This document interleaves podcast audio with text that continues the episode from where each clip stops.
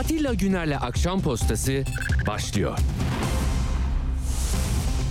Radyo haberciliğinde bir klasik. Sorulmayanı soran, haberin peşini bırakmayan tarzıyla bir marka. Atilla Güner'le Akşam Postası, gündeme damga vuran konu ve konuklarla hafta içi her akşam 17'de Radyo Sputnik'te. Akşam postasından hepinize iyi akşamlar efendim. 20 Haziran saatler 17.03 ve bir aradayız. Efendim şöyle bugün asgari ücret hayatınızı ne kadar etkiler bilmem ama Türkiye'nin dolu dizgin ekonomide yaşadığı tahribatın telafisi için nasıl bir para harcayarak dar gelirlinin sadece yaşamak için ihtiyacı olan parayı e, vermeye çabaladığını görüyoruz. Yani ne diyorum 482 dolar bir asgari ücretiniz var 11.402. Yani işverene maliyeti çok yüksek ama kimse ses çıkarmıyor. Herkes biliyor ki zaten bir yıl önce bugün 1 Temmuz'da bu e, her ne idiyse yüzde 107 zam. Ama size TÜİK öyle demiyor. Arada e, düşüş olduğunu, fiyatlar artıyor ama bir yıl önceki aya bakarak ölçüldüğü için baz etkisi nedeniyle siz düşüyor zannediyorsunuz. Hiçbir şeyin düşmediği zaten ortada.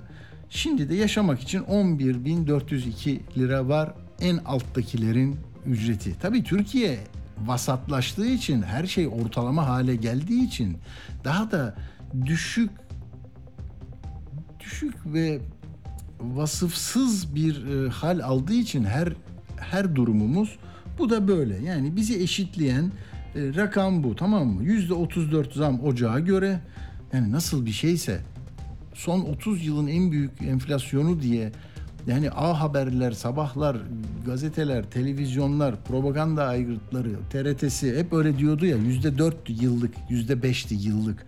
Size yani para dayanmıyor. 200 liralıklar var cebinizde.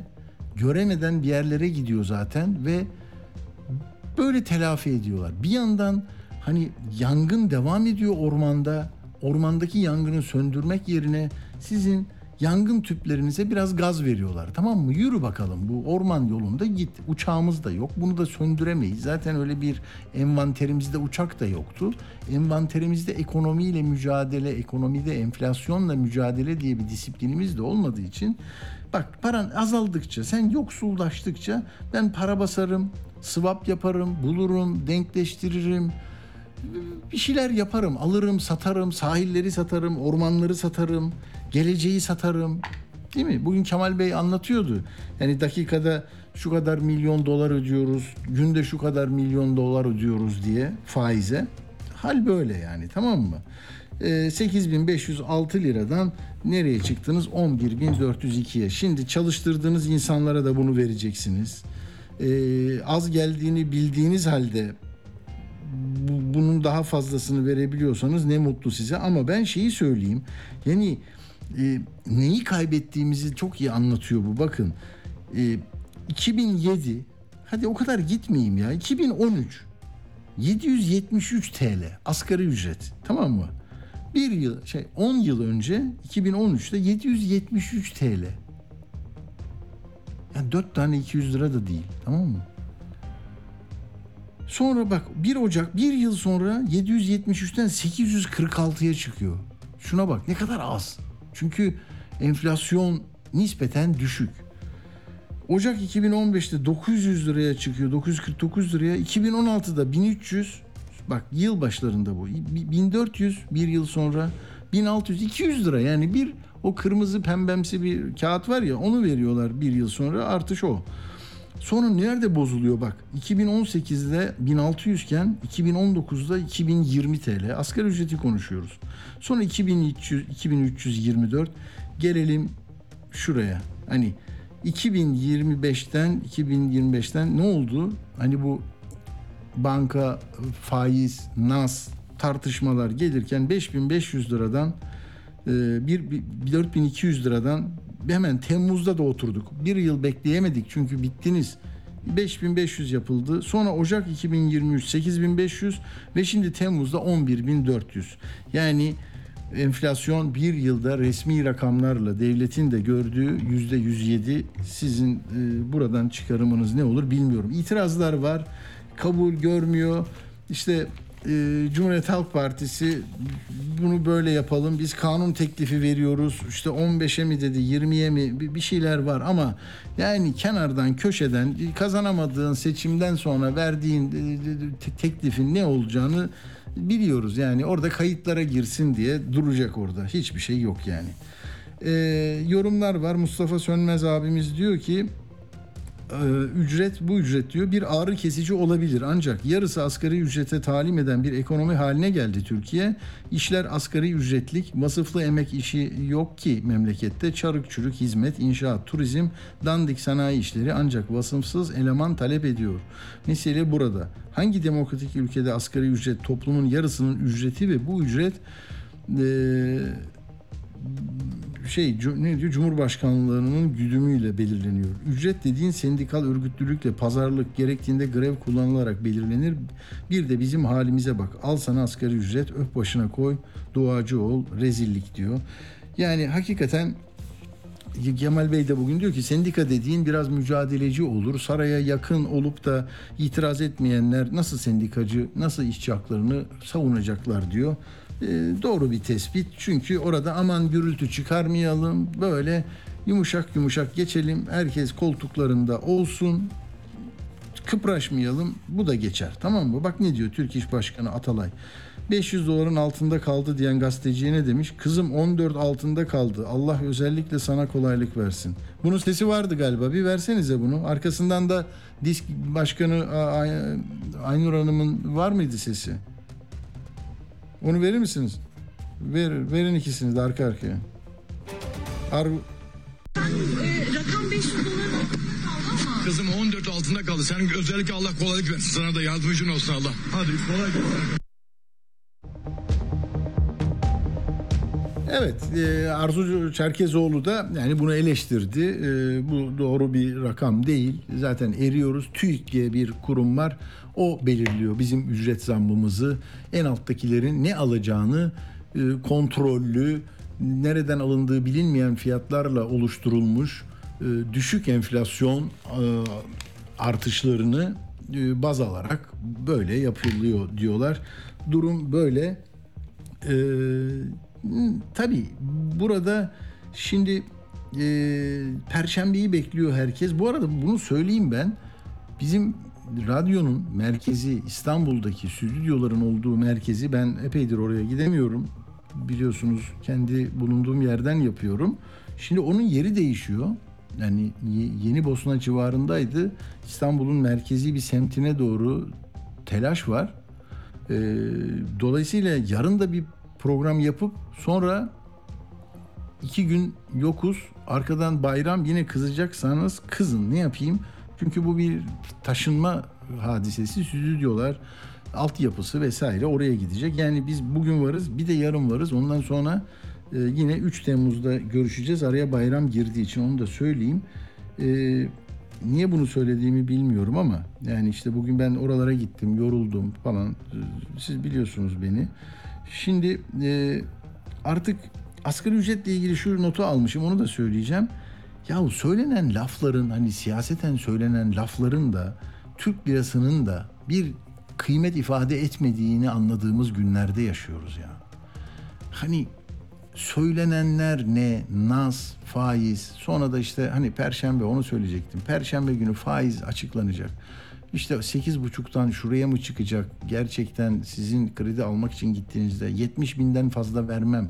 Yüzde 40 alırım. Bekle. Bak şeyde Ankara Ticaret Odası Başkanı söylüyor. Ya ne zaman açacaksınız kredi musluklarını? Faizi bekliyorsunuz. Zamanımız yok diyor.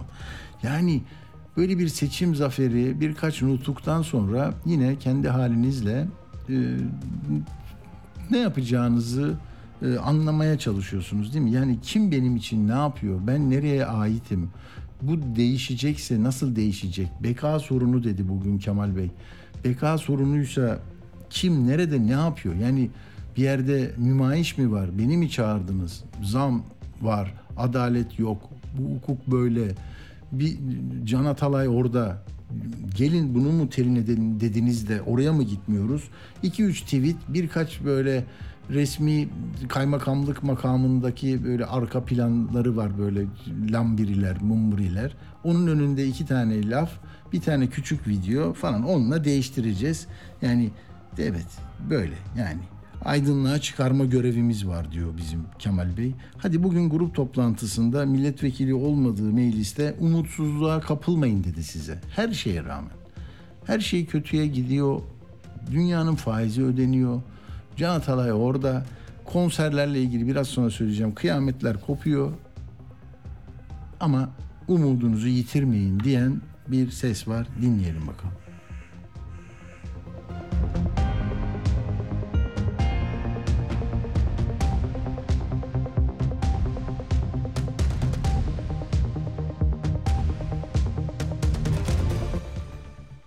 Gazete nasıl olur da 3 milyon liraya yakın bir reklamı verir Kılıçdaroğlu Cumhurbaşkanı seçilmesin diye.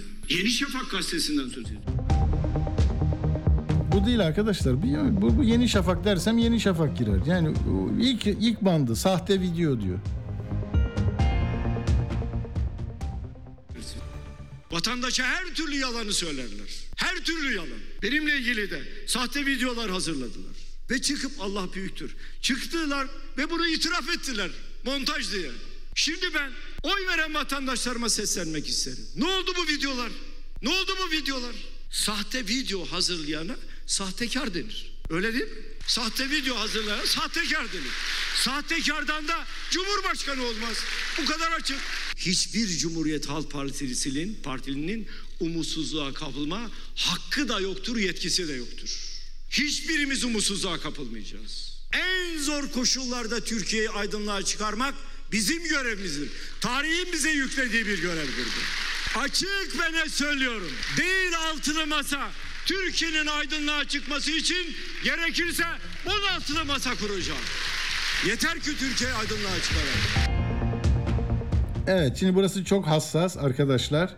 Yani e, deniyor ki altılı masa tutmadı bunu 16'da yapacağım yine yapacağım.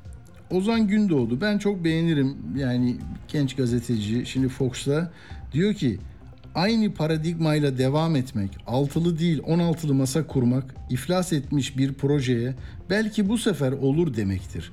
Dersiniz de peşinizden kim gelir? Fakat sorun şu iflas ettiği belli olan bu paradigmanın dışında bir başka projede üretilmiş değil. Bence yani hakikate çok yakın bir yorum. Bu seçmen havuzunda muhafazakar var, milliyetçi var, bayrak, ezan var. Gel oraya yanaşalım. Sağımızda kim var? Çoğaltalım sağımızı dendi. Yani bunların demokratik bir ülkede ilişki kurup temas edip birbirimizi anlamak için çok kıymetli olduğunu kayda geçiriyoruz. Bu, burada bir sorun yok. Yani niye o gittin onlara falan değil. Yani denedin tamam iyi bir şey gibi anlattın. Kazanıyoruz, geliyoruz. Ben Kemal dedik ama dediniz ama olmadı. Şimdi altının yanına 16'yı koyacaksınız mı? Koyun. Peki onun içinde yine HDP, Yeşil Sol var mı? Yok. Diyeceksiniz ki onlar ayrı. Onları almayacağız. Solcular olmayacaksa zaten başka bir şey. Yani lafınız değişmeyecek. Yani orada belli ki bir müşteri kitlesi var doğru mu siyaseten yanlış diyebilirsiniz. Ama seçmen kitlesinin tercihleri, eğilimleri, hassasiyetleri bunu tespit ediyorsunuz. Asıl buradan e, iktidar kuran 21 yıldır iktidardan da gitmeyen yani desteği alıp rıza üretebilen bir yapı görüyorsunuz. Ben de oradan alayım o zaman benimki %25 yetmiyor deyip oraya göre bir şey söylüyorsunuz tutmuyor. Belki yeni bir şey zamanı şimdi bu. İşte İmamoğlu da ben yeni bir şey mi e, değil mi tartışmaları var. Bunu da e, her ikisiyle de ilgili asıl e, mesajların ne olduğuna bakmak lazım. Simalar, gözlükler, bıyıklar, saçlar, kravatlar, gömlekler, masaya vurmalar, yürüyüşler, metotlar, arkadaki müzik falan değil yani. Lafın ne abicim? Ne istiyorsun? Ne, neyi, neyi kotaracaksın? Kime ne diyorsun? Bak asgari ücretli var. Sınıfsal bir tahlil mi yapıyorsun?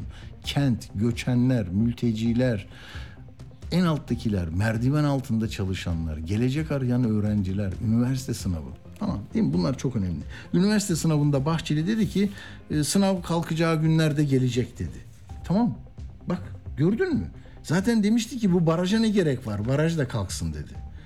E şey, AYM'ye ne gerek var? AYM en son kararında Kandil'in kuyruğundan kurtulsun dedi. Yani bir anayasa mahkemesine terör örgütünün merkez karargahıyla anlatan bir siyaset diliniz var. Enflasyon olmuştu, marketler kapansın dedi. Marketlerin başındaki adamı görevden aldılar. CHP kapansın dedi. Mimarlar, mühendisler, barolar hepsi kapansın. Tamam bak kapanacak. Tamam mı? Hepsi kapanacak. Kalan açıklarla devam edecek ülke. Niçin biliyor musunuz? Ben çok etkilendim. Ya bu Tekirdağ'da belediye başkanı tamam mı? Ya bunu ben tatildeyken sonradan fark ettim de Tekirdağ'da ne var? Ee, ne, ne burası? Süleyman Paşa Belediye Başkanı Cüneyt Yüksel. Melek Mosso'ya karşı bir muazzam tabii linç kampanyası vardı. E, hanımefendi geldi, özür diledi. Dedi ki hemen konuya değiniyorum. Sizlerle helalleşmek istiyorum. Asla ayrışan, birbiriyle düşman olan bir millet olmayacağız. Ben kuzenini bir kadın cinayetine kaybeden insanım. Cumhurbaşkanımız Sayın Erdoğan bundan sonra sert uygulamalar yapsın. İncinen tek bir kardeşimiz varsa özür dilerim diyor. Belediye başkanı ile birlikte bayraklarla 12 Haziran'da e, konserini icra ediyor. Buna tahammül edemiyor abi. Bu anlayış bu var. Bak, bak baş, başkan orada ne demiş biliyor musun? Biz etten kemikten yaratılmış varlıklarız. Hata yaparız. Sonuçta insana özgü bir şey. Önemli olan hatanızı görüp özür dileyebilmek diyor. Güçlü Türkiye olmak, bütün renklerimizi zenginliğimiz olarak görmek zorundayız. Kemal Atatürk bize muasır medeniyetler seviyesinin üzerine çıkacaksınız dedi. Diyor. Tamam mı? Türk, Kürt, Alevi, Sünni, Roman biriz diyor. Ama buna katlanamıyor siyasal anlayış, partisi, Hüdaparlı yeni sistem ve görevinden feragat ettim diye iki gün önce de bunu yazmış. Ya ağlamak mı istersiniz? Ağlayın. Diyor ki ben diyor görevimden feragat ettim. Konserde sanatçının özür dilemesi sonrasında anlık olarak yaşananların teşkilatlarımızın hassasiyetlerine dokunmuş olması dolayısıyla bakın yolsuzluk, suistimal, liyakatsizlik, kayınvalideni, görümceni, eltini araya almak, istediğin adama ihale vermekte sorun yok. Sadece e, has, teşkilatın hassasiyetlerine dokunmuş olursan seni orada tutmazlar. Adam dedi ki ben millete sadakatle hizmet etmek istiyorum ama artık bu hassasiyet e, şey oldu. Gidiyorum. Özür diliyorum ve gidiyorum dedi. Adam girlik istediği için, anlayalım birbirimizi dediği için Trakya'nın küçücük bir noktasındaki belediye başkanına tahammül edemeyen sistem ki yeni yeniden kurulan bu sistem yani gideceğimiz yol böyle bir yol. Ben hemen susuyorum. Hocamı bağladık mı arkadaşlar? Çok acil. Hadi bir küçücük şey notlar söyleyeyim. Benim kulağıma söyleyin hemen. Emre Hoca gelecek e, Profesör Emre Erdoğan Bilgi Üniversitesi'nden onunla konuşacağız. Ama ben çok küçük hızlı bir şey söyleyeceğim. Şimdi İmamoğlu da topa giriyor ya biraz kenarda duruyor biraz çeviriyor topu kenardan atıyor şuradan atıyor ama hocam da duysun diye. E, hocam merhaba hoş geldiniz. E, Profesör Emre Erdoğan'la beraberiz. Merhabalar hoş buldum. E, hocam şimdi Biraz tabii CHP'yi neyi aradığımızı sizin yazılarınızda da söylüyorsunuz. Lider mi arıyoruz? Yeni bir dil mi arıyoruz? Yeni bir Türkiye tahayyülü mü arıyoruz? Ee, hani tek sistem, tek adama itiraz edenler ne, ne yapacak da e, kendilerini seçmenle buluşturacaklar? Ben şunu e, öğrendim. Birkaç şey e, söylemek istiyorum. Mesela kapalı bir toplantıda ilçe belediye başkanlarıyla İmamoğlu e, dün beraberdi. Oradan yani işte araştırarak gazetecilik becerileriyle şunları öğrendim. Demiş ki ben ne Muharrem İnce'yim ne de Mustafa Sarıgül'üm. Kavgaya girmem ama değişim istiyorum. Sonunda şeyi de anlatmış. Kemal Bey ile biz konuşurken e, Kemal Bey şunu söylemiş. İstanbul'u ne yapacağız? Siz yalnızca başkanlığı değil meclis çoğunluğu da alın da ondan sonra görüşelim. Değişimle ilgili e, asıl e, yörüngeyi herhalde. E, İmamoğlu da şöyle demiş. Ben de kendisine dedim ki bayram öncesi değişimi kabul ettiğinizi ve değişime e, ta, değişime dönük bir e, gelişme yaşanacağını ilan edin lütfen demiş. Durum bu. E, tabii şimdi belediye başkanları arasında da mesela Kemal e, Çebi var. Küçük, küçük çekmece belediye başkanı. Hı hı. O çok e, İmamoğlu'nun lehinde ve çok sert e, tutum takınıyor. İşte bir şey var Ataşehir Belediye Başkanı, Maltepe Belediye Başkanı onlar da Kemal Bey'in e, lehine konuşuyorlar. Yani kendi içlerinde de şimdi biraz burada mısın, şurada mısın olmuş. Bir son not daha hocam. Bunlar gerçekten haber değeri olan hikayeler. Unutmadan söyleyeyim dedim. Canan Hanım da bu tür faaliyetlerin yoğunlaştığı dönemde yani çok yakın zamanda da bazı belediye başkanlarını arayıp e, yani bu gereğini yaparım bunun demiş. İmamoğlu'yla arası yok yani iki yıldır zaten tek kelime etmediler. E, orada da hani böyle İmamoğlu yanlısı olup da yani siyasetin işte CHP'nin içinde dengeleri değiştirme çabasını da bir il başkanı olarak yakından takip ettiğini zamanı geldiğinde gereğini yapacağını da söylemiş. Bunlar yeni belki duymadığımız şeylerdi. Bir kenarda dursun ama hocam ne ne oluyor? Yani bu bu, bu arayışlar bize m, bir şey söyletiyor olmalı ya. Yani böyle mi olur? Mesela Ali giderse, Veli gelirse bitti bu iş. Ö- ö- öyle mi yani? Ya bu biz daha önce yaptığımız hatayı tekrarlıyoruz. Daha önce yaptığımız hata neydi? Ee, Recep Tayyip Erdoğan Cumhurbaşkanı olmasın, kim olursa Hı. olsun ülke Ya. değişir idi. Ee, bu vaatle biz uzun bir süreyi geçirdik. Haklılık payı olabilir mi? De olabilirdi. Ama gördüğünüz üzere olmadı. Yani Recep Tayyip Erdoğan yerine başkasını getiremediğiniz zaman ülke aynı kaldı. Böyle bir vizyon konulduğu zaman bu da çok Hı. eski bir Tanpınar'ın bir romanda bahseder. O gitsin yeter.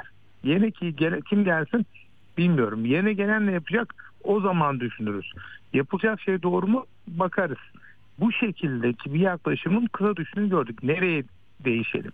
Değişelim Hı. nereye değişelim? Ya burada teşhis vardı biz görmüyoruz herhalde. Yani ben e, Kemal Kılıçdaroğlu ile Ekrem İmamoğlu arasında bir teşhis farkı var yaşananlar konusunda ve İmamoğlu diyor ki ben bu teşhisi koyuyorum. Hı. Dolayısıyla bir değişime ihtiyacımız var ki bu teşhis doğrultusunda iyileşelim. Ama o teşhis ne? Ben bu teşhisi Hı, duymadım. hı. O teşhis neyle ilgili? Ülkeyle mi ilgili? Seçim sistemiyle mi ilgili? Hı hı. Partiyle mi ilgili? Seçim stratejisiyle mi ilgili? Yani diyelim ki orasını belki konuşuruz. Kılıçdaroğlu gitti. Yerine Ekrem İmamoğlu geldi. Ne değişmiş olacak? Bir lider Hı hı, değişmiş hı. olacak. Sonra ne değişmiş olacak? Aradaki fark ne olacak? Tabii. Biz bence aynı tuzağa düşüyoruz. Teşhisi paylaşmadan, teşhisse uzlaşmadan acı reçete gibi lider değilsin gerisini halleder. Ama zaten yani bu genel yaklaşım lidere tek kişiye karşı değil miydi? Tek kişi bu kadar değiştirebilecek hali mi? O yüzden ben bunu henüz anlamış durumda değilim. Peki buradan gerçekten anlayabilmemiz için bazı temel sorunları belki memleketin, dünyanın böyle koyup e, değil mi? Ki bu ne diyor? Birinci A şahsı bunu diyor, B şahsı bunu böyle tabii ki örtüştükleri ve ayrıştıkları yerler var. Onu göremiyoruz. Orada bir netlik yok değil mi hocam? E, tabii ki nerede? Yani şimdi dü- dünyanın olduğu hal belli. Türkiye'nin içerisinde olduğu hal belli. Bütün bunlar söz konusu olduğuna bir sistemimiz de var. Şimdi bir sonraki Cumhurbaşkanlığı seçimi normal şartlar altında 2028 yılında. Normal şartlar altında. Onun öncesinde 2024'te bir İstanbul'un da dahil olduğu bir büyük şehir seçimi yaşayacağız. Bir yerel seçim yaşayacağız. Soru şu. Ne yapılacak da bugün başarılamamış Hı. olan 2028'de başarılacak. Sorunun bu olması lazım. O Kemal Bey diyor ki çok özür dilerim altılı masaydı ben 16 yaparım yine yaparım diyor. Şimdi altılıda bu sorun varsa 16'ya çıkarsa çözülecek mi? Ee, bunu eleştirenler de var. Yani paradigmayı böyle kurarsanız aynı sonucu alma ihtimaliniz yüksek diyenler de var. E, Yani altılı ma şimdi şöyle başlayalım. Altılı masaysa altılı masa bu kadar başardı. Demek ki 16 ekledim ama bu başarıları yaparken de Türkiye ekonomik tarihinin en kötü ekonomik krizlerinden birini yaşadı. Pandemi atlattı. Deprem atlattı. Ülkenin sağında ve solunda savaşlar var. İktidar Partisi 7 puan oy kaybetti. İktidar Partisi 7 puan oyu kaybetmişken dönüp seçim kaybedildi. 2028'de 16 masa olduğunda aynı ekonomik şartların olacağı garantisi var mı? Bir şey yapılamadı. Yani bu şey yapılamadığının da verisi olması lazım. Zaten başlangıç noktamızın bu olması lazım. Biz baştan beri diyoruz ki hesap verme sorumluluğu ve şeffaflık. Hesap verme sorumluluğu nedir? Burada karar verici belliydi. O karar verici insanlar gelir, gelirler derler ki biz bunları planlamıştık. Böyle adımlar attık. Bu adımlar sonucunda şunları başardık. Bunları başaramadık. Dolayısıyla da burada sorumluluğu olan insanlar var. E, Bunu ben duyamadım hala. Spe- Tabii. e, spekülasyonlar duyuyoruz. Yani ben buna inanmıyorum. On binlerce sandık tutanağına erişemedik. E o zaman bundan sorumlu arkadaşın kenara çekilmesi gerekiyor. Çünkü erişeceğiz dediler. Ya da fiziki olarak iki tur arasında 14 Mayıs ile 28 Mayıs arasında fiziki olarak oy kaybedilen iller var, bölgeler var. Diyarbakır 40 bin. Fiziki olarak yani sayısı azaldı Kemal Kılıçdaroğlu'na oy verenlerin. Evet. Ya da sandığa gitme konusunda toplam 300 bin kişi sandığa gitmekten vazgeçti. O zaman buna yol açan kişi gelecek diyecek ki Hı. bakın ben bunun sorumlusu benim. İnsanların sandığa gitmemesinin. Bir şeyi yanlış yaptım. Ben kenara çekiyorum diyecek. Bu sadece Kılıçdaroğlu'yla ilgili değil ki. İstanbul'daki fark 300 binin altında. 300 bin. Evet la hayır. Hı hı. O zaman bir seyirci diyecek ki İstanbul'daki fark beklendiği kadar olmadı. Bunu arttırmış olmam gerekiyordu. Ben de hesabını veriyorum diyecek. Ben böyle bir şey duymuyorum. Yani e, hesap verme diyoruz. 700 milyon lira e, hazine yardım alındı. Evet. Kime harcadınız? Ya da Cumhurbaşkanlığı kampanyasında kaç lira toplandı? Çok çok önemli Kaç hocam. Mesela toplam? hani sana sözle e, tür, karar ver Türkiye değil mi? Böyle bir şey olmuştu. Hani bambaşka iki partiymiş gibi. Mesela onları kim imal etti? Nasıl oldu? Kampanya mı yanlış yapıldı önersin. Hı, hı. Seçim akşamı kampanya yöneticisinin ya 14 Mayıs akşamı kampanya yöneticisinin görevden alındırdık. O mudur sorumlusu? O zaman onu ortaya atma. Peki onu kim seçti? Tabii. Onun Hangi süzgeçten geçti? Nasıl bir filtre çalışıyor değil mi? yani şeffaflık ya tamam bu ülkede kim şeffaf diyecekler bize. Ama zaten olmak istediğimiz ülkeyi hareket etmeye çalışıyoruz. Yani basit Doğru, bir şekilde doğru. biz yenilmedik demekle olmaz. Yani bir sürü soru var. Yani şöyle bir yüzleşme meselesi çıkılır. Kimse bunun muhatabı vatandaşsa ki bütün vatandaşlardır çünkü Cumhurbaşkanlığı seçimiydi bu. Yani ben parti üyelerine o söz e, hesap veririm değil. Bütün vatandaş bütün sorular yanıtlanır. Yanıtlanabiliyorsa. Burada hata yaptım. Değil mi? Ne olur hata yaptınız. Bedeli de ağırsa ki çekilin kenara. Yani Değil kim mi? doğrusunu yapacak ama şu anda biz ne yap, ne hata yap yani onlarda teşhis duyduk. Hepimiz teşhis koyuyoruz. Ben de teşhis koyuyorum şu anda. Tabii. Ama bir öz eleştiri duymadık. Bir Çok- öz eleştiri hocam, duyalım. Hocam çok özür, özür, ö- özür Rica dilerim. ederim. Çünkü bugün İmamoğlu e, tam da bu sözcüğü kullandı. E, ben bunun e, yani başından beri zaten ön kabul olarak e, dikkate alınması gerektiğini söylemiştim yayınlarımda da. Ya bir öz eleştiri. Yani bu büyük bir kayıp gibi sunmak olmaz demekle olmuyor. Biz sıradan bir parti değiliz.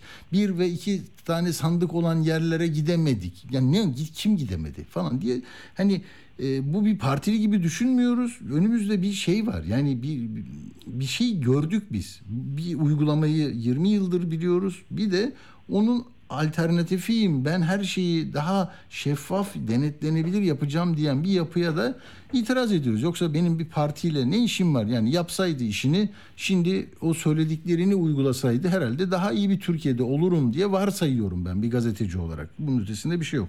İşte İmamoğlu'nun uzattım yine. Öz eleştiri sözü var. Bir de hani bir tarih söylüyor. Böyle bir belirsizliğin de e, izleri var bu şeyde. Bir dinler dinleyelim hocam lütfen. Tabii. İm, İmamoğlu. Ben hem parti kurumsallığına aykırı hem de parti hiyerarşisi içerisindeki saygıya aykırı e, asla hareket etmedim etmem. E, ama elbette ki vatandaşa karşı sorumluluğumuz her şeyin önündedir. Milletimize ve devletimize karşı sorumluluğumuz her şeyin önündedir ve bunu da en doğru zamanda en doğru uslupla en doğru şekilde kamuoyuyla paylaşmaktan da geri durmam. Bunun zamanını merak edenler ya da dilini merak edenler vardır. E, zamanı geldiğinde zaten paylaşacağım. Şimdi hocam ne olur ben şunu çok önemsedim. Yani vatandaşa, millete, devlete sorumluluk var. Yani bir de böyle bir şey. Yani o kadar büyük sorumluluklar varmış ki. Yani şimdi burada bir siyasi parti iktidara talip bir yenilgi almış ama vatandaşımıza, milletimize, devletimize sorumluluğumuz var dedi İmamoğlu. Peki siz, siz de hocam siz de görüşün. Şimdi şöyle bir mesele var. Sorumluluğu var. Söz verdi. Hı. Bir şeyleri değiştireceğini söyledi. Başaramadı. İnsanlar elinden geleni yaptı mı yaptı. Seçmen Evet. oyunu verdi. Kampanyaya katkı vermiştir ya da bir şey yapmış. Çok da yoruldu seçmen. Çok da üzüldü. Çok. Çalışmalara girdi. Yani ben seçim günü gerçekten çok üzüldüm. 7 kişi sandık başında bekliyor. Sabahtan Evet. akşama kadar. Bu insanlara bir sorumluluk var. Hatta mağdur olan bir sürü insan var şu anda. O mağduriyetleri devam eden insanlara da bir sorumluluk var. O insanlara bugün hala mağduriyetinin devam etmesindeki sorumluluk bu seçimi kazanamamakta. Yani bu siz kime hesap vereceksiniz? Evet bu insanlara hesap vereceksiniz. Ben bunu niye yapamadım? Yani öğrenelim. Ben bunu bana güveninle olmuyor bu hata. Esasen biraz önce söylediniz de kürenin yaşadığı bir sorun var. Ben çok Hı. basit bir yerden bakıyorum. Kürenin yaşadığı en önemli sorunlardan biri parlamenter demokrasi öldü. Parlamenter demokrasi çalışmıyor.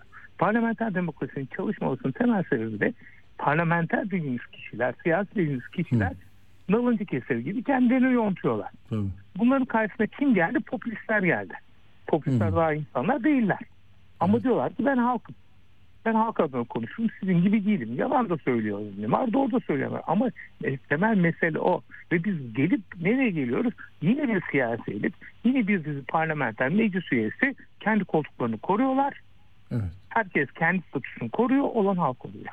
Yani başka Hesap da vermek Evet. istemiyor. Yani biz bunu korumak için limana yanaştıracağız. Durun daha kötü şeyler olur. Biz gidersek daha kötüsü olur diyorlar. Evet yani bu öyküyü bunu biz futbol kulübü yönetimlerinde de görüyoruz. Ben gidersem kötüsü olur. Hesap değil, Hmm. başaramadım. Şu yüzden başaramadım. Elinizi taşın altına sokun. En önemli şeylerden biri o. Kim elini taşın altına sokuyor? Yani şu seçimi kaybettiği zaman kim kaybediyor? Fiziksel olarak bahsediyorum. Ee, madde olarak kaybetmekten bahsediyorum. Statü olarak kaybetmekten bahsediyorum. Ne kaybı uğruyor bizim siyasilerimiz? Hı hı. Kazananlar var. Yüz, bin, binde beş, yüzde bir oyla belki meclise grup kuranlar var. Bunlar kazançlı çıkanlar. Ya da başka kazananlar var. Söylem olarak kendi ideolojilerinde kabul ettirenler var. Kenarda köşeli bir parti olmasına rağmen bütün bunlar kazandı. Bu kadar kazanan arasında kaybeden vatandaş oluyor. Sonuçta ve bu hesap verme sorunun içselleştirilmesi gerekiyor. Yani ben hata yaptım. Bu yüzden hata yaptım. Kenara çekiliyorum demek lazım. Mi? Yani Mesela çok büyük otomotiv şirketleri hocam çok benzeşmiyor. Tabii ki e, bunu bir şey yapıyorum tereddütle söylüyorum ama yani ürettiği otomobilde bilmem ne sistemindeki arıza nedeniyle 1 milyon otomobilini geri çekme kararı alıyor. Yani şöyle kapatmaya çalışmıyor. Yani orada olmuştur, başkasında olmuştur. Hayır biz iyi yaptık demiyor değil mi? Böyle yüzleşiyor ve çözüyor. Çünkü o yönetim CEO değişiyor ya bir kriz yönetiyor falan. Burada onu göremiyoruz. Hiçbir şey olmamış gibi davranmak e, hakim bir şey gibi oldu. Tarz gibi oldu. E, Çünkü unutuluyor çok basit. Bayram geldi, Hmm. yaz geldi. Ondan sonra başka heyecanlar, başka bir şey olur. Gündemden düşer. Yani Hmm. bütün bunlar şeklinde. Çünkü mekanizma var. Yani mekanizma nedir? İşte diyoruz ki Kemal Bey çekilin. Ben demiyorum diyorlar. Hı. Çekilmezse nasıl indireceksiniz? Genel kurul kontrol, kongreyi kontrol ediyor. Tüh. Kurultayı kontrol ediyor. Delegeleri kontrol ediyor. Bir çok değerli hocamız kendisi yayınlayacak. O hep beraber okuyacağız. Partinin delege yapısı hiç il, hiç milletvekili çıkarmadıkları yerleri kayırıyor. Örneğin Hmm. Van'dan 0 milletvekili 28 delege. Düşünebiliyor musunuz? Ama bu çok ciddi bir şey. Kayırıyor. Yani o Hmm. delegeler geliyorlar. Sıfır de milletvekili çekmişler. Ee, şeyde Van'da yok parti 28 tane delegesi var. Aa, görebiliyor musunuz asimetri? Yani dolayısıyla genel başkan partiyi kontrol ediyor. Genel başkan meclis kurulunu kontrol ediyor çünkü Hmm. o seçiyor milletvekillerini. Genel başkan belediye başkanlarına karar veriyor. Kim karar veriyor belediye başkanlarına? Tabii. CHP'de. Hangi partide kim Tabii. karar veriyor? Sonuç olarak baktığımız zaman yani e, o orası yöntemiyle herhangi bir değişiklik yok. Ve yok. Dün birisi onu söyledi. CHP'de genel başkanın devrildiği yok. Ben Tabii görmedim. tabii şeydi de o yeni genel başkan yardımcısı yurt dışı o şeylerden sorumlu. Dedi ki tarihimizde böyle bir şey yok ki bizim dedi. Kimse Yok, istifa bu- etmez. Bu övecek bir şey değil. Yani o edilmiş- hakikaten övünecek bir şey gibi Öyle söyledin. şey değil ama yoluyla el. Şimdi benim sevdiğim bir şey vardır. E, filozof vardır. Karl Popper şöyle der. Demokrasi insanların istedikleri seçebilmeleri değil, sevmediklerini gönderebilmeleri hakkıdır. Yani bu, bu olmayan bir şeyden bahsediyoruz. Türkiye'de parti içi demokrasinin hali bu. Türkiye'de parti içi demokrasi olmadığı için de geldiğiniz nokta o. E, Şeye gelince e, şimdi biraz önce başlangıçta bahsettiğiniz şeyi de çok önemsiyorum. Büyükşehir Belediye Meclisi alınsın. Yani şimdi Büyükşehir Belediye Meclisi alabilmek için ilçeleri almak gerekiyor. Çünkü Büyükşehir Belediye Meclisi ilçe meclislerinden oluşuyor. Yani doğrudan seçmiyoruz. İlçe meclislerinde de ne kadar çok büyük ilçe varsa orada o kadar çok e, kişi geliyor Büyükşehir Belediye Meclisi'ne. O Evet. zaman bunun anlamı nedir? Buyurun Esenler'i alın. Tabii Sancaktepe'yi, Sultanbeyli'yi. Sancaktepe, Sultan İstanbul bütün büyük iller, ilçelerini alın. O zaman mecliste çoğunluğu alırsınız. Hı, Yani bu, bu, e, kolay bir şey değil. hı, hı. Yani e, gerçekçi bir şey değil. Üstelik bunların alınabilmesi için hepsini söyleyeyim. İstanbul seçiminin alınabilmesi HDP oyuna bağlı bir şeydir. İstanbul'da el değiştiren iki ilçe Küçükçekmece ve Esenyurt'un alınabilmesi HDP oyuna bağlıdır. Hı hı. Şimdi o zaman isminizdeki ilk mesele e, o ittifakı yeniden kurmak. İyi Parti ve HDP'li ittifakı yeniden kurup e, genel yerel seçime girmek ama hala bence e, şey almak ütopya. Ya Üsküdar'ı alırsınız tamam bitti. Evet. O son işaretlerini verdi zaten. Kemal Bey orada geçti e, Erdoğan'ı.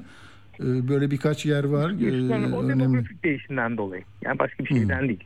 Üsküdar'ın nüfus yapısı değişiyor. Ama yani bir, ben Sultanbeyli'nin alınabildiği bir İstanbul hayal edemiyorum. Böyle bir şey yok. CHP tarafından. Yani gerçekçi olmak lazım.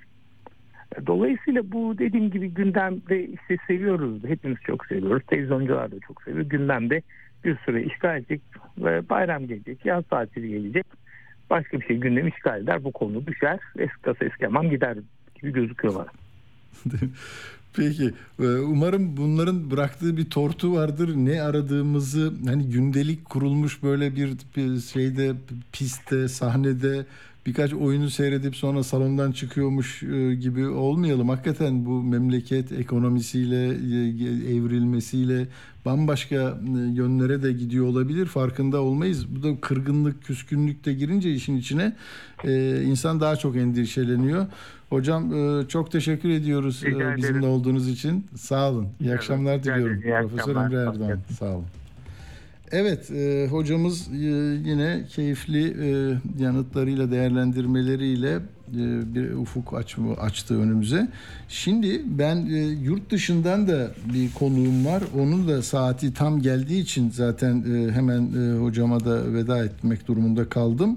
E, doçent e, Doktor Ahmet Erdi Öztürk Londra'dan e, bağlanacak Metropolitan Üniversitesi'nden. Yine e, siyaset siyaset konumuz. Merhaba Ahmet Erdi Bey, hoş geldiniz. Merhabalar, hoş bulduk. iyi yayınlar. Çok teşekkürler. Emre Erdoğan hocamızdan e, sonra sizinle devam edelim. Biraz CHP'yi konuştuk. İsterseniz biraz iktidar kanadına da değinebiliriz. Aha. Yani seçimi kazanmış bir e, siyaset e, kurumu bakanlarını değiştirdi. Ekonomideki önceliklerini, değerlendirmelerini de değiştirecek gibi görünüyor. Ee, nasıl bir 5 yıl diyelim e, planlıyor ve yenik bir muhalefetin karşısında nasıl bir Türkiye'nin izlerini görüyorsunuz? Şöyle bir şey, e, herhalde 28 Mayıs günü saat 5'ten önce bu konuşmayı yapıyor olsaydık sizinle size şunu söylerdim. E, Cumhurbaşkanı Recep Tayyip Erdoğan siyasi kariyerinin en güçsüz anını yaşıyor diye. Bugün aradan 2-3 hafta geçti. E, tam tersini söyleyeyim.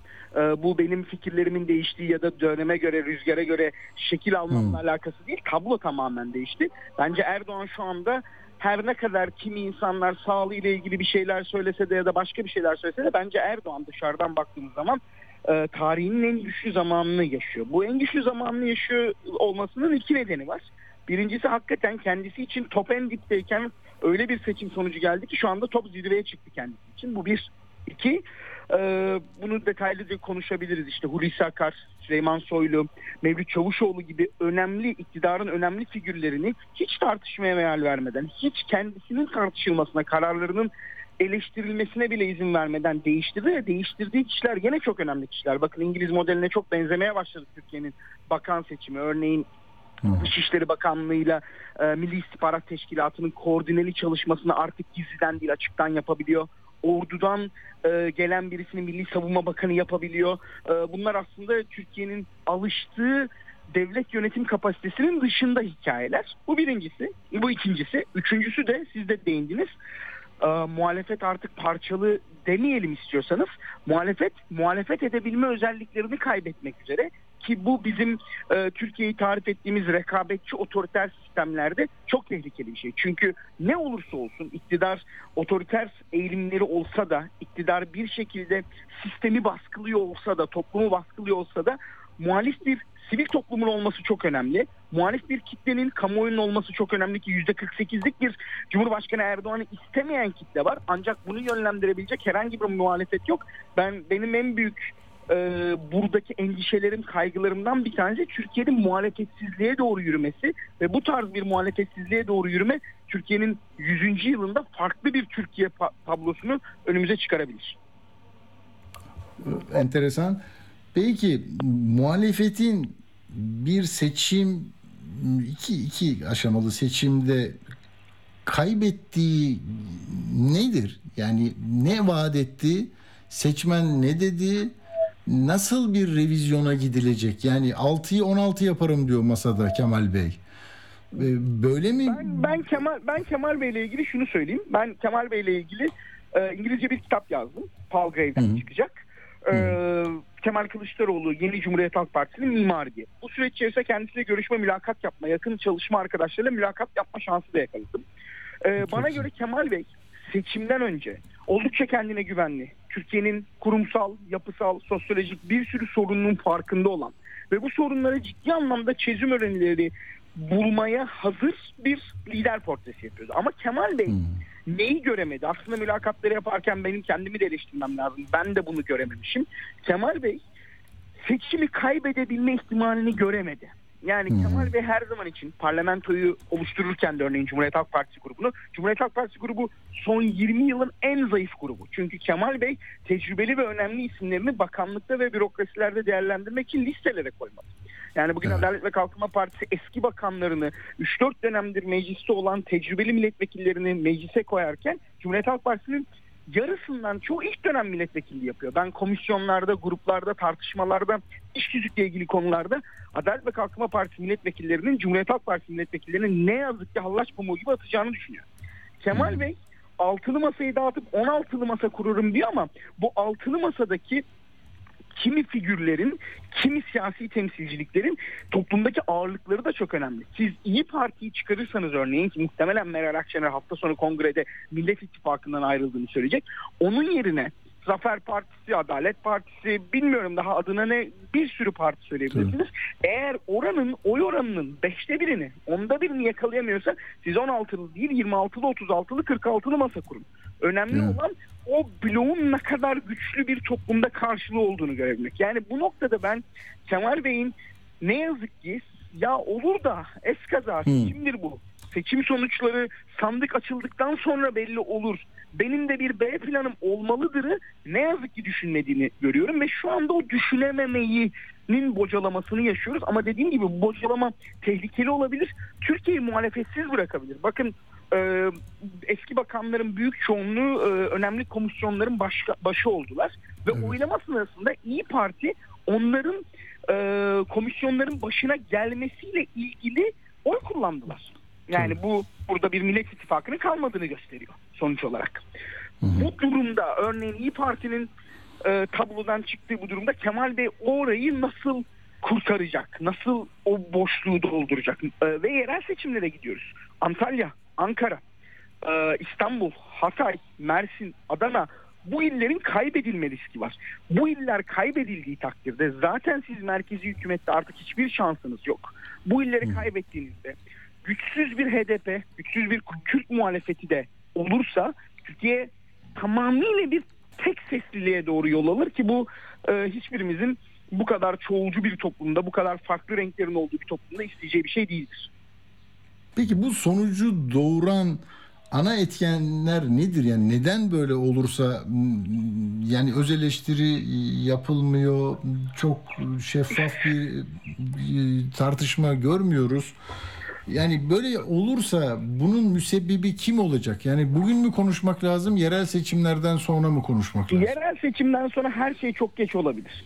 Birincisi bu seçimin bizlere anlattığı bir şey var. Aslında İngiltere'de, kıta Avrupa'sında ve Amerika'da uzunca zamandan beri olan bir şey Türkiye'de çok daha büyük bir çıplaklıkla yüzümüze çarptı. 1960'larda, 70'lerde, 80'lerde ve 90'larda bizim economic voting dediğimiz yani ekonomik duruma göre oy verme davranışının belirlendiği bir dünya var. Ama bugün artık sosyal medyanın e, çok farklı konular ve tartışmalar yaratabilmesi, insan kimliğinin farklı özellikleri ve önem sırasından dolayı artık economic voting dediğimiz yani ekonominin iyi ya da kötüye gitmesine göre seçmenin davranışını belirleme e, durumu çok söz konusu değil. Muhalefet bir bunu göremedi. İki Peki yerine ne aldı? Çok özür dilerim. Yani ekonomik e, sahikle hareket etmek yerine kimlik mi? Ne öne geçiyor? Din mi? inanç mı? Ee, Bayrak mı? Hepsi aslında kimlik, inanç, bayrak, Hmm. güvenlik e, bunların tamamı yani bu noktada kapsayıcı bir kampanya sürdürmek lazımdı. Bu Evet. noktada birincisi kampanyanın bu böyle bir e, kapsayıcılığın olmaması sorun yarattı. İki e, en sonuncu en önemlisini ben en sonunda söyleyeceğim aslında.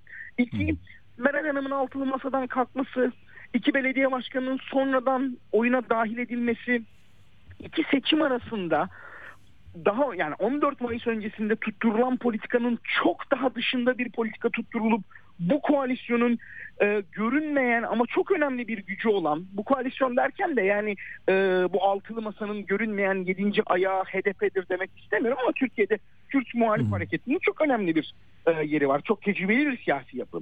Onları daha çekimik sandığa gidecek kimi söylemler, kimi ittifak arayışlarına girilmesi çok zor, sorunlu oldu. Bunun dışında Kemal Bey tekrar altını çiziyorum. Türkiye'yi yönetme, Türkiye'yi e, tepeden aşağı, tepeden alta, alttan yukarıya demokratik bir restorasyon yapma fikrine ben en azından kişisel olarak çok büyük saygı duyuyorum. Ama biz neyi görüyoruz? Bunu anket şirketleri de açıkladı. Belki Emre Hoca ile konuşmuşsunuzdur. E, buna denk gelemedim ama ne olursa olsun adaya oy veren bir seçmen kitlemiz var. Ve bu adaya oy verirken adayın liderlik özellikleri ve bunun da ötesinde adayın geçmiş başarıları çok önemli. Bakın örneğin Ekrem İmamoğlu. İki kere değil Beylikdüzü'nü sayarsak üç kere Erdoğan'ın karşısına çıkardığı rakipleri yenmiş birisi. Evet Mansur Yavaş örneğin e, ilk yanlış hatırlamıyorsam 2014 yerel seçiminde e, Melik Gökçe kaybetmişti ama daha sonradan Erdoğan'ın bakanlığını da yaptığı bir Ankara Büyükşehir Belediye Başkanı adayını yendi. Ama öyle ama böyle yendi. Tabii. Bunlar gibi daha arkasında bir başarı hikayesi barındıran daha icracı figürler varken bir şekilde Kemal Bey'in altılı masa da kurduğu dengelerin de sonucu Kemal Bey aday oldu. Ve böyle bir şeydi. Evet Kemal Bey aslında daha demokratik, daha rasyonelite üzerinden oy verme davranışı olan bir ülke olsaydı çok doğru bir aday olabilirdi. Ama mevcut şartlarda Kemal Bey bir şekilde gömleğin ilk düğmesinin yanlış iliklenmesine neden oldu. Ondan sonra da o gömlek giyilemedi. Ee, ne yazık ki. Ee, ben burada Kemal Bey yanlış bir adaydı demiyorum doğrudan ama Kemal Bey yerine diğer bir aday olsaydı sonuç görece farklı olabilirdi. Ancak şunu da unutmamak lazım. Yani Erdoğan yanlış bilmiyorsam 69 yaşında ve 13 yaşından beri siyasetin içerisinde. Eğer Joe Biden'ın yaşını e, hesaba katmazsanız Erdoğan bugün dünyada yaşayan en tecrübeli bir iki siyasi figürden bir tanesi. Gençlik kollarından başlayarak siyasetin her kademesini ve her çeşidini görmüş birisi. Ve böyle bakıldığı zaman Erdoğan bir seçim kazanma makinesi. Bu seçim kazanma makinesinin karşısında siz adayınızı geç açıklayarak kimi tartışmalarınızı e, kamuoyu önünde yaşayarak altılı masanın e, ittifak ortaklarından bir tanesi A politikası derken o akşam siz aynı şekilde B politikası deyip bir kakafoni yaratırsanız Erdoğan buna acımaz ki acımadı da. Peki son 3 dakikada e, yani şimdi kurultaya giden bir CHP var. Onun işte altılı masanın bileşenleri kendileri mecliste üç parti bir grup e, hakkı elde etmeye çalışıyorlar. Dediğiniz gibi Akşener bu hafta sonu e, mesajlarını hem kendi parti içindeki dengeleri de gözeterek kendi yürüyüşüne göre bir açıklamalar yapacak. E, yeniden yerel seçimlere kadar gidecek o 9 ayda umudu nasıl diri tutar muhalefet? Bir cephe olarak mı, Kemal Bey'in e, yeni bir açılımıyla mı? Çünkü hani modu düşmüş, böyle biraz yorgun seçmenler görüyorum e, bizim mahallelerde. yorgun, umutsuz ve artık tırnak içerisinde defteri kapatmış seçmenler görüyorum ben de. Bilmiyorum aynı mahallede miyiz ama herhalde benzer mahallelerdeyiz. Birbirimize sesimiz geliyordur diye düşünüyorum. Ya bu noktada şöyle bir şey. Muhalefetin e, bir bütün olarak birleşerek bir şey yapması şu an için çok zor gözüküyor. Ama bu muhalefetin şimdi sonuçta size sorsam evet bir altılı masa vardı ama seçimi kim kaybetti? Kemal Kılıçdaroğlu kaybetti. Bir şekilde kapalı kapılar arkasında değil, kendi ofisine gelen raporlar anında değil. Neden hata yaptığını öz eleştirisiyle madde madde kamuoyuyla paylaşmak zorunda. Kamuoyuyla paylaştıktan sonra kendisinin de içerisine dahil olduğu ama kendisinin de değişimin bir değişimin bir yöneticisi değil, değişenlerden biri olarak değişip bir şekilde bu yepyeni Türkiye'ye uygun bir muhalefet anlayışının dizayn edilmesi lazım. Ama ne yazık ki e, Cumhuriyet Halk Partisi'nin kurultay e, ve delege sistemine baktığımız zaman Kemal Bey müsaade etmeden bu mümkün görünmüyor. Kemal Bey buna müsaade etmez ve yerel seçimlerde bir şekilde kaybedilirse ki çünkü şu an için Erdoğan'ın sarayda elbette çok keyifli olduğunu tahmin edebiliyoruz ama aynı şekilde o bebeğini geri almak istiyor. Erdoğan Erdoğan yapan şey İstanbul. İstanbul'u geri almak istiyor. İstanbul'u geri aldığında sembolik önemi var, siyasal önemi var, ekonomik önemi de çok büyük. Böyle bir Türkiye'de tamamen bir artık tek sesli bir Türkiye'ye gelinir ve çok zor bir dönem olur. Dediğim gibi 9 ay çok kısa bir süre. Mahalleden başlayan bir kurultay süreci olacak.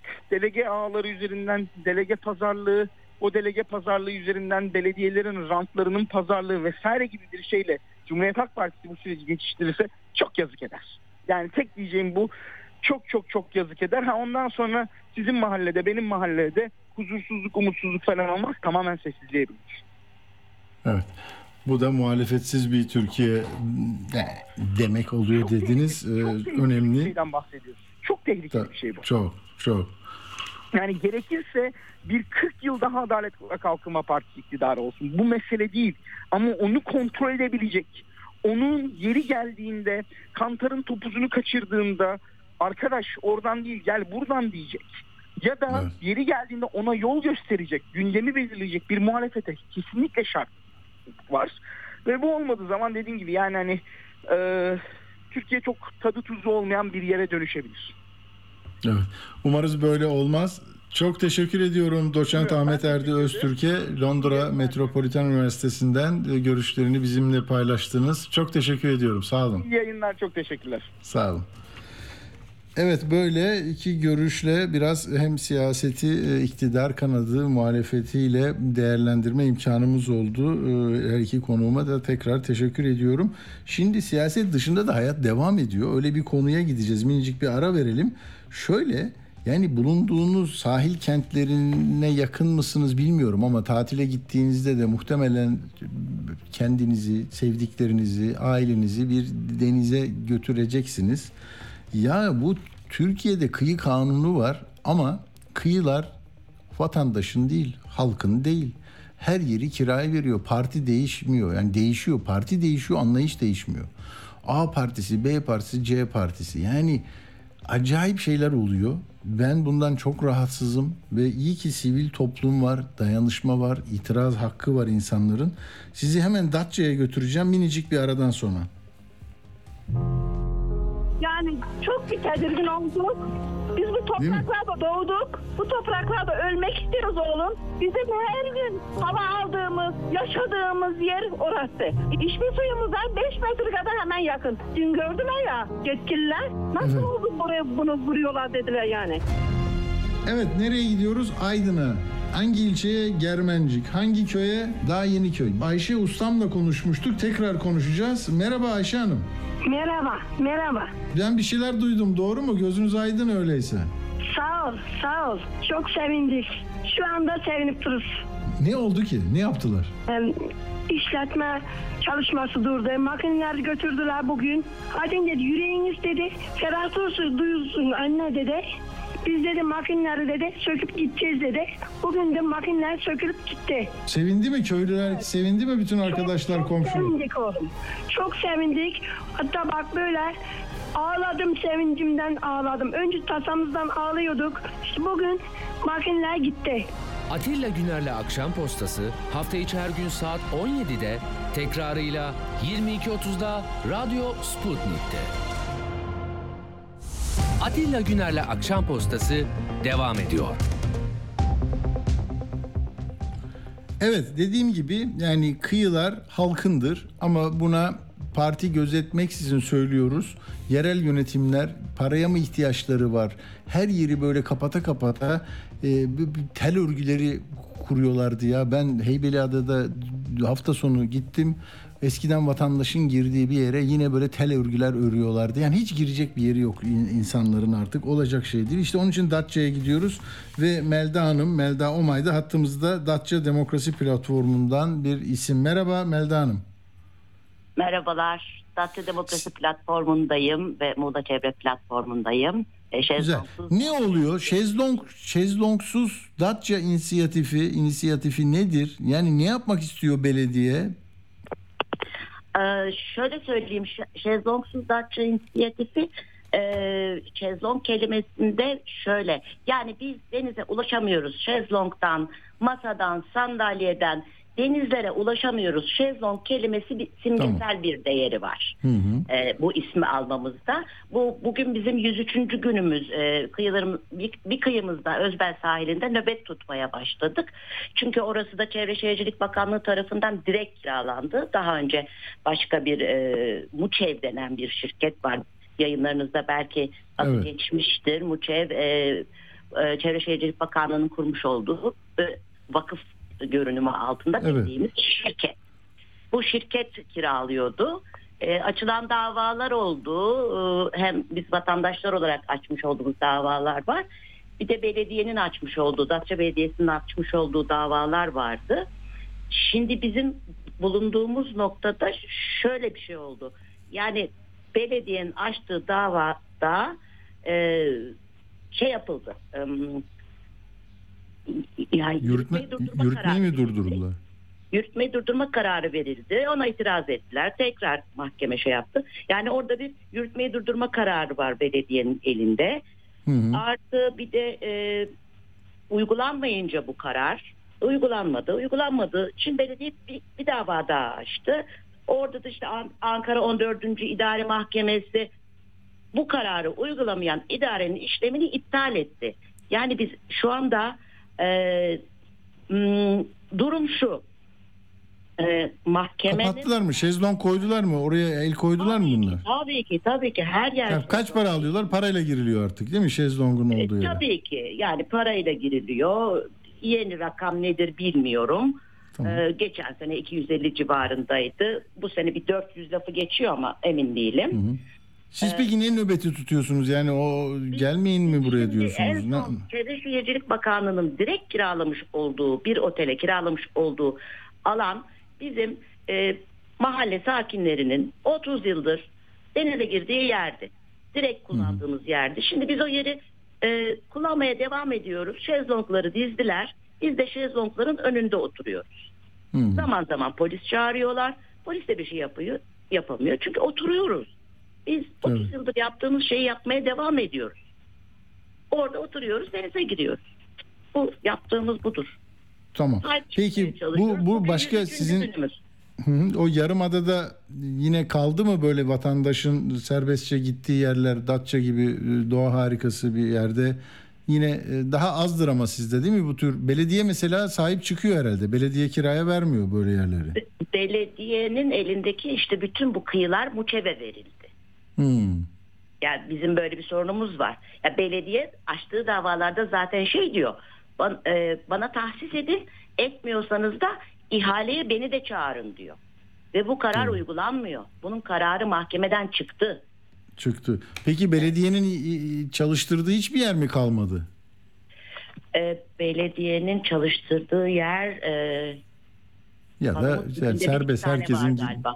Hı, hı. galiba. Yani Anladım. oralarda da sözleşmelerin bitmiş olduğu, süresinin bitmiş olduğu şeklinde bilgilerimiz var. Yani bir boş boşluk bir dönem yaşıyoruz. Yani Muçe ile ilgili alınan bu kararlar sonrasında e, işletmeler Muçe ve kira ödemeye devam ediyorlar. Görebildiğimiz bu. Ama bu sözleşmeler o kadar gizli ki hiç bilmiyoruz.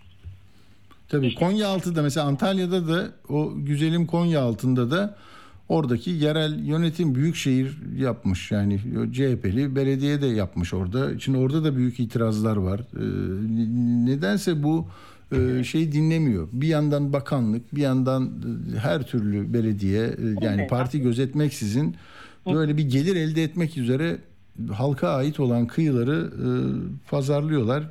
Buna da itiraz etmek doğal bir hak tabii. Siz de bunu yaptığınız için Biz- bir sesinizi biz duyurmak istedik. çalışıyoruz. Yani bugün 103 gündür oradayız ve gerçekten de biz Mart ayının başında başlamıştık buna.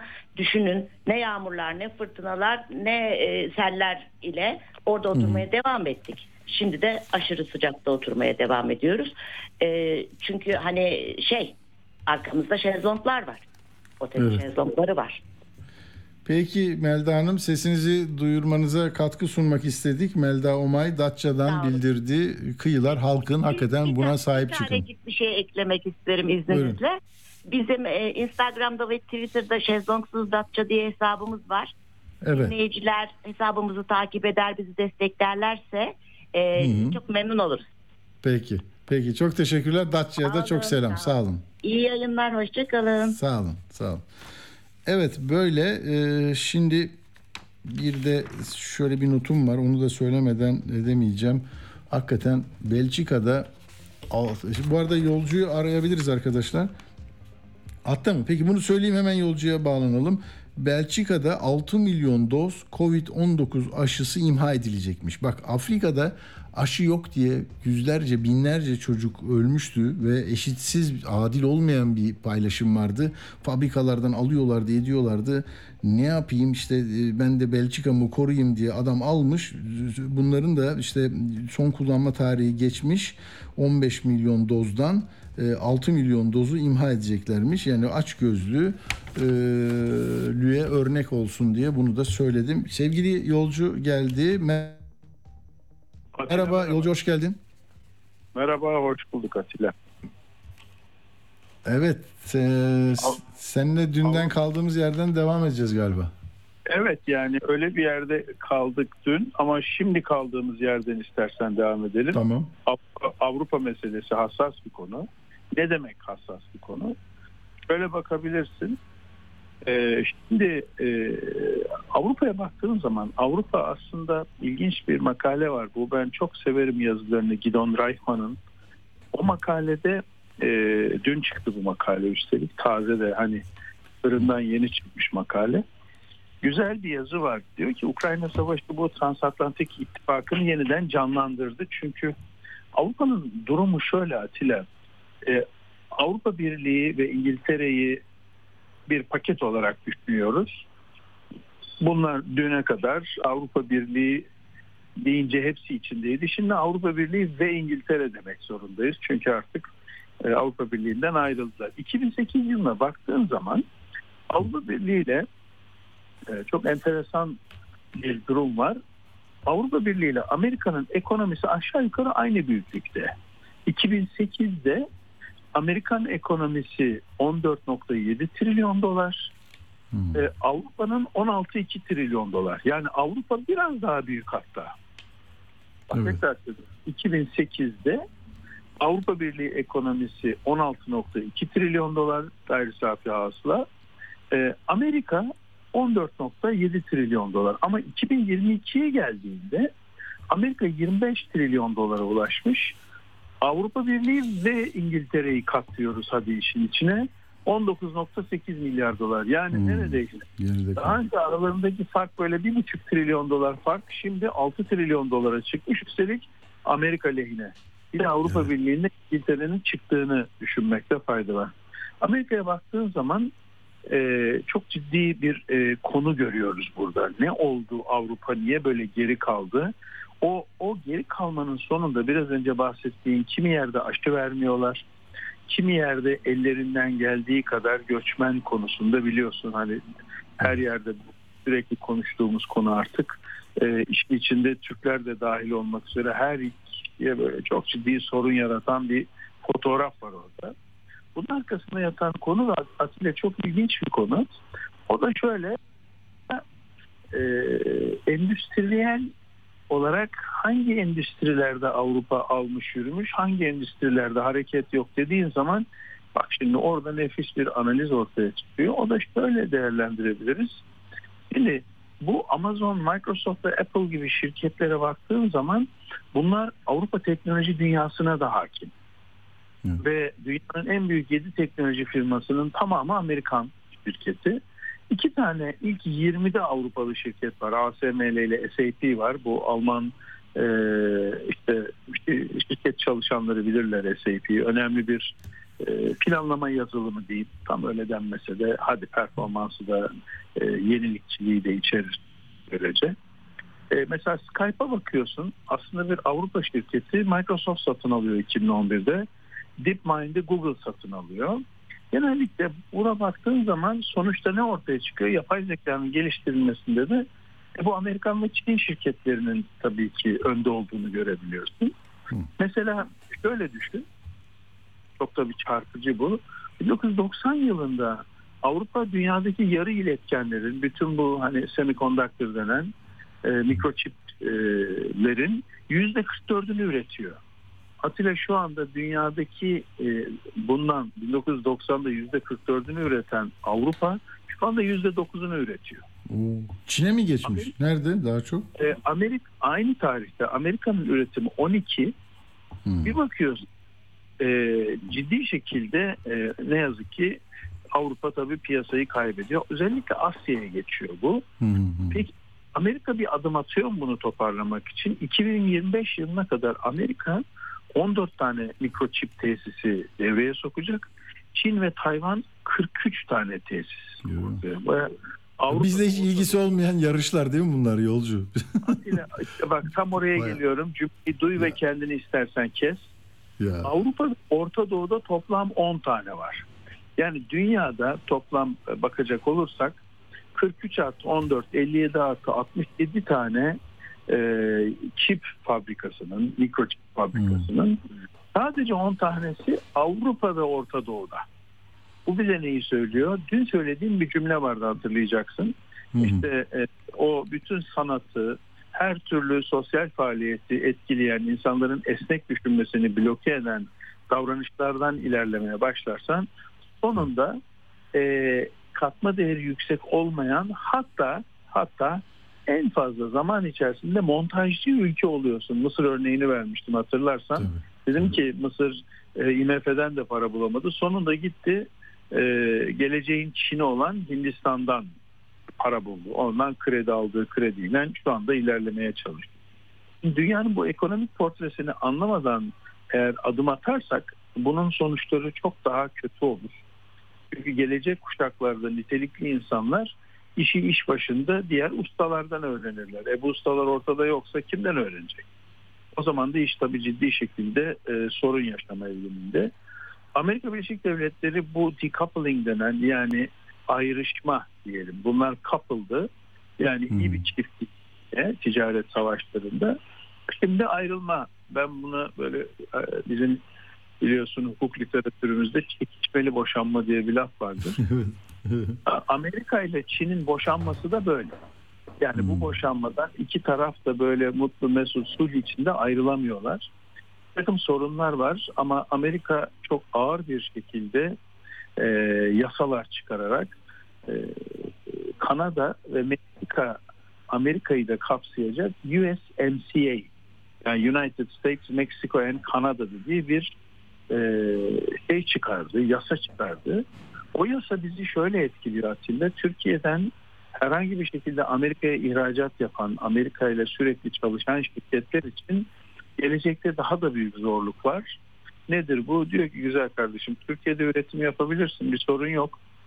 Ama diyor güzelim tamam kabul fakat ben USMCA dediğim Amerika, Kanada ve e, Meksika'nın kuzeyinde bir yatırım yaparak oralarda bir fabrika planı açmayı düşünmüyorsan ben sana vergi uygulayacağım.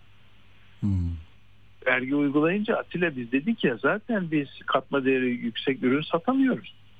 Bir de ürettiğin ürünlere katma değeri yüksek olmamasına rağmen vergi gelirse sen bunları dünyaya satamaz pozisyona gidiyorsun. Amerika gibi pazarlara satamazsan fakir ülkeler ya fakir ülkelerde senin malını alacak sayısı çok az. Zaten orada kalite meselesi ciddi şekilde sorunlu ya da e, ağır rekabet var demektir. E, peki Çin'deki durum ne? Çin'e baktığın zaman Çin'de şu anda ekonomik toparlanma pek pozitif görünmüyor. E, şeyde Ocak başındaki durum itibariyle endüstri üretimi düşmüştü. Yani Ocak'tan Mayıs'a geldiğimizde endüstri üretimi yüzde altılardan yüzde üç buçuklara falan düşmüş. Perakende satış. Biliyorsun e, iktisatta bu e, şirketlere sabit kıymet yatırımı önemli bir konudur. Sabit kıymet yatırımı ne? İşte fabrika için üretim hatları satın al. Yeni makineler, robotlar falan satın alırsan çok basit anlatımıyla buna sabit kıymet yatırımı diyebilirsin. Mesela şöyle düşün e, sabit kıymet yatırımı Ocak Şubat'ta yüzde altılardan e, dördün altına düştü. Tabii önemli. Yani bir yıllık fark bu. Yüzde altıdan yüzde dörde düştü. Yine bir artış var ama görece artış hızı azalmış çünkü siparişleri azalmış durumda. Yeni konut başlangıçları düşmüş. İhracat eksiye gitmiş. Eksi onlar düzeyinde bir ihracat var. Mart ayında ihracat 15 artmış. Nisan'da 7 artmış ama Mayıs'a geldiğinde artık etkisi ciddi şekilde görülüyor. Eksi 6'lar, eksi 7'ler seviyesinde. Tabii bu diyor. Mesela Çin'de 2018 yılında 16-24 yaş grubundaki insanlara baktığın zaman bunların işsizlik oranı böyle bir 12-13'ler falan civarındaydı. yanlış hatırlamıyorsam 22'leri geçti. Yani bir de bu arada konuştuğun nüfus öyle küçük bir nüfus değil. Konuştuğun ülke 1.4 milyarlık bir nüfusa sahip. Tabii bu kolay değil. Çin de e, bunun karşısında ne var ya bizim Türkiye'de konuşuyor. Kardeş ne armut mu topluyor? Hayır. Hmm. İşte burası hassas. Çin de ekonomik toparlanmayı e, bir takım teşviklere şu anda boğmak üzere çalışıyor.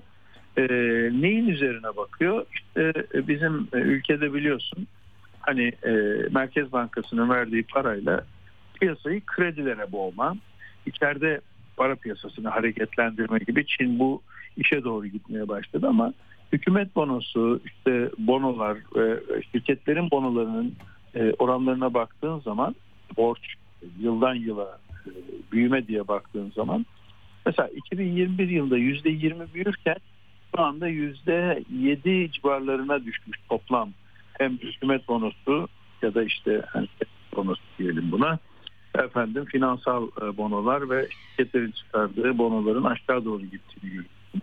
Bu tabii doğru bir durum ama Çin'in elinde 3 trilyon dolar döviz rezervi var. Atilla rakamı duydun mu? 3 trilyon Evet yani dolayısıyla yani Bak o parayla bu Katar'dan 27 yıllık bir LNG e, anlaşması yapmış. O gözüme ilişmişti. Not almışım buraya Evet, da. Düşünsene. Ha? Ne kadar uzun vadeli.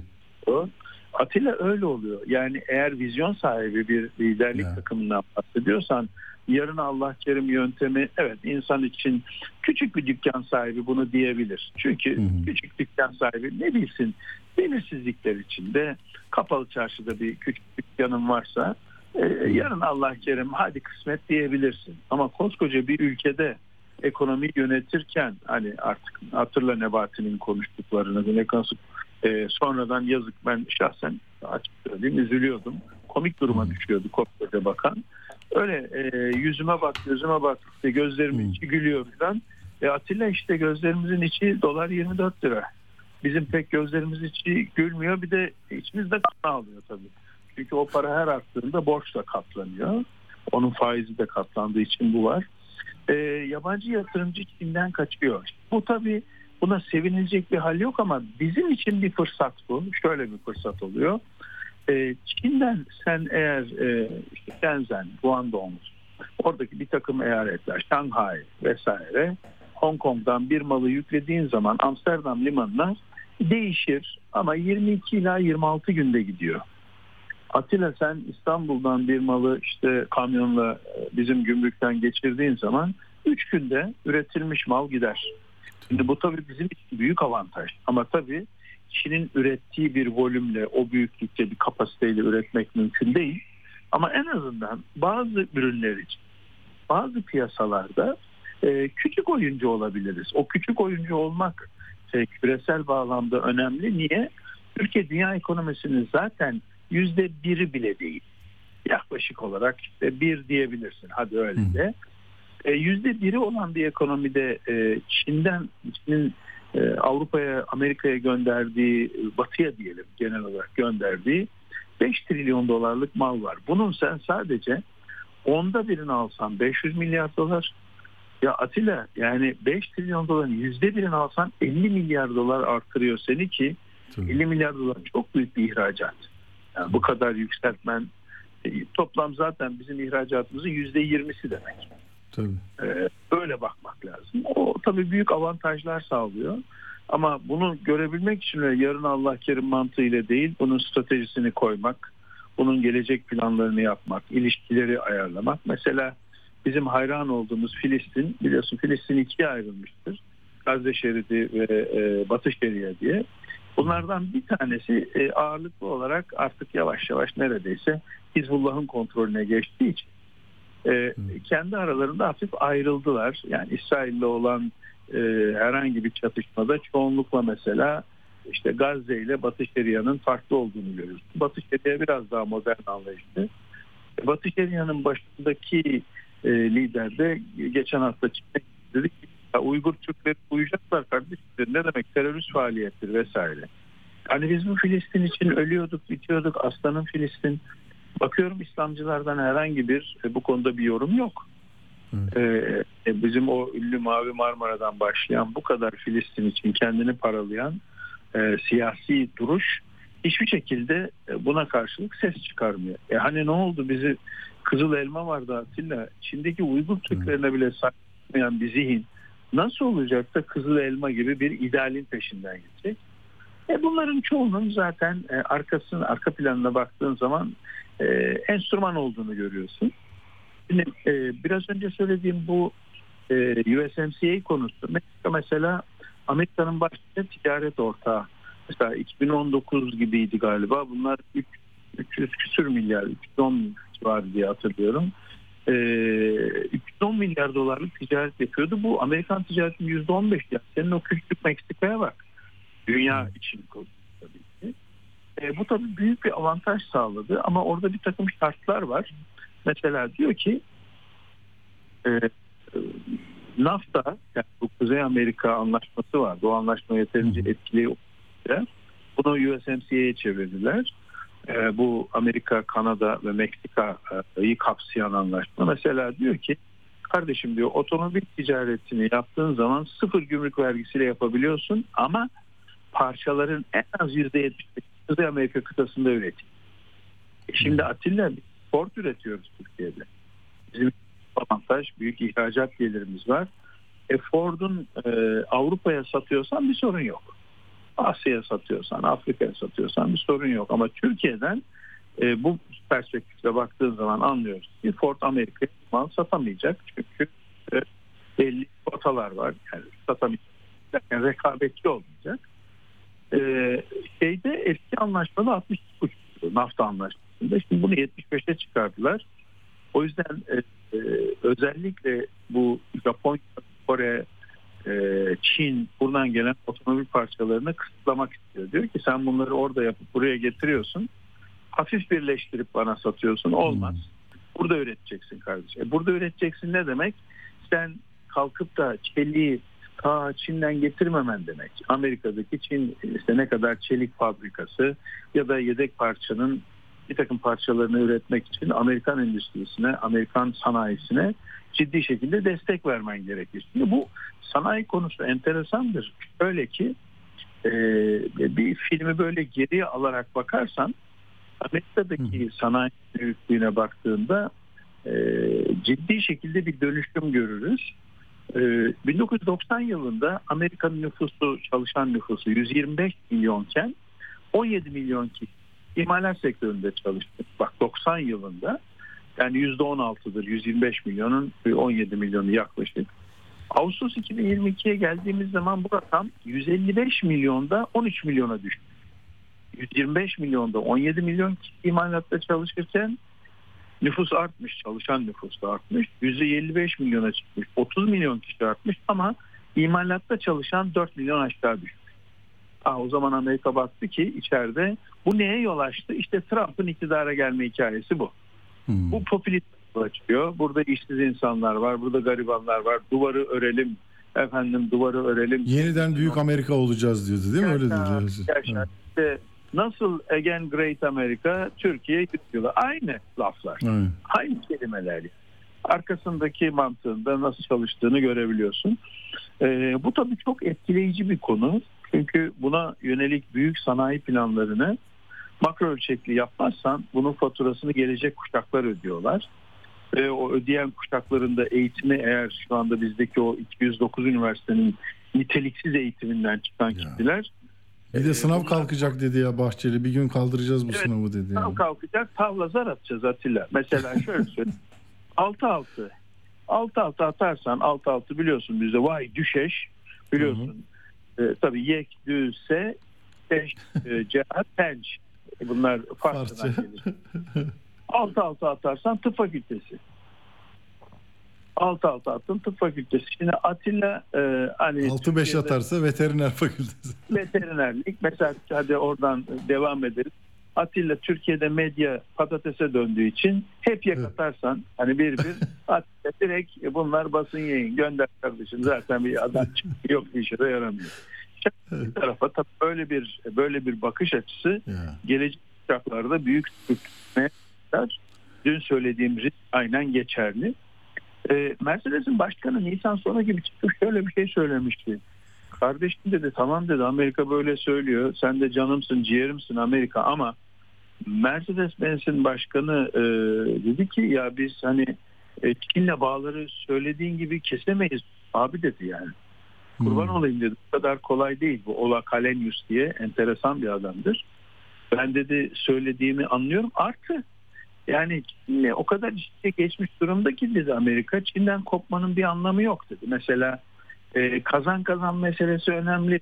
İklim iklim meselesini biliyorsun bu küreselleşme konularında. O yüzden biz dedi sana bu desteği veremeyeceğiz. Sırf bunun için ne yaptılar? Mercedes e, şeyle e, Çin konusunda daha pragmatik olduğunu göstermek için gitti BASF grubu vardır. BASF diye hatırlayacaksın. Büyük kimya grubudur Almanya'nın gruplarından Evet. biri. Orada e, bir e, yönetici var. Bu beyefendiyi aldı. E, e, Çin'in başkanlığını yapıyordu bu BASF'te. Onu aldı Martin Braudermüller'i. Dedi ki Çin'in e, madem siz bunu söylüyorsunuz o zaman dedi biz danışma kuruluna bu adamı alıyoruz. Ya bu kimya grubu, boya, plak vesaire vesaire yapıyor. Otomobil Türkiye'de de çok büyük e, şeyi var. Fabrikaları falan var onların. Evet.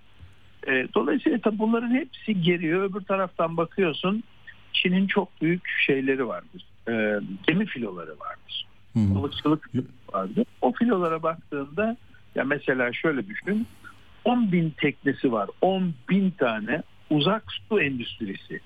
Yani çıktığı zaman bunlar e, şeye ava çıktığı zaman öyle 3 5, 5 mil falan gitmiyor.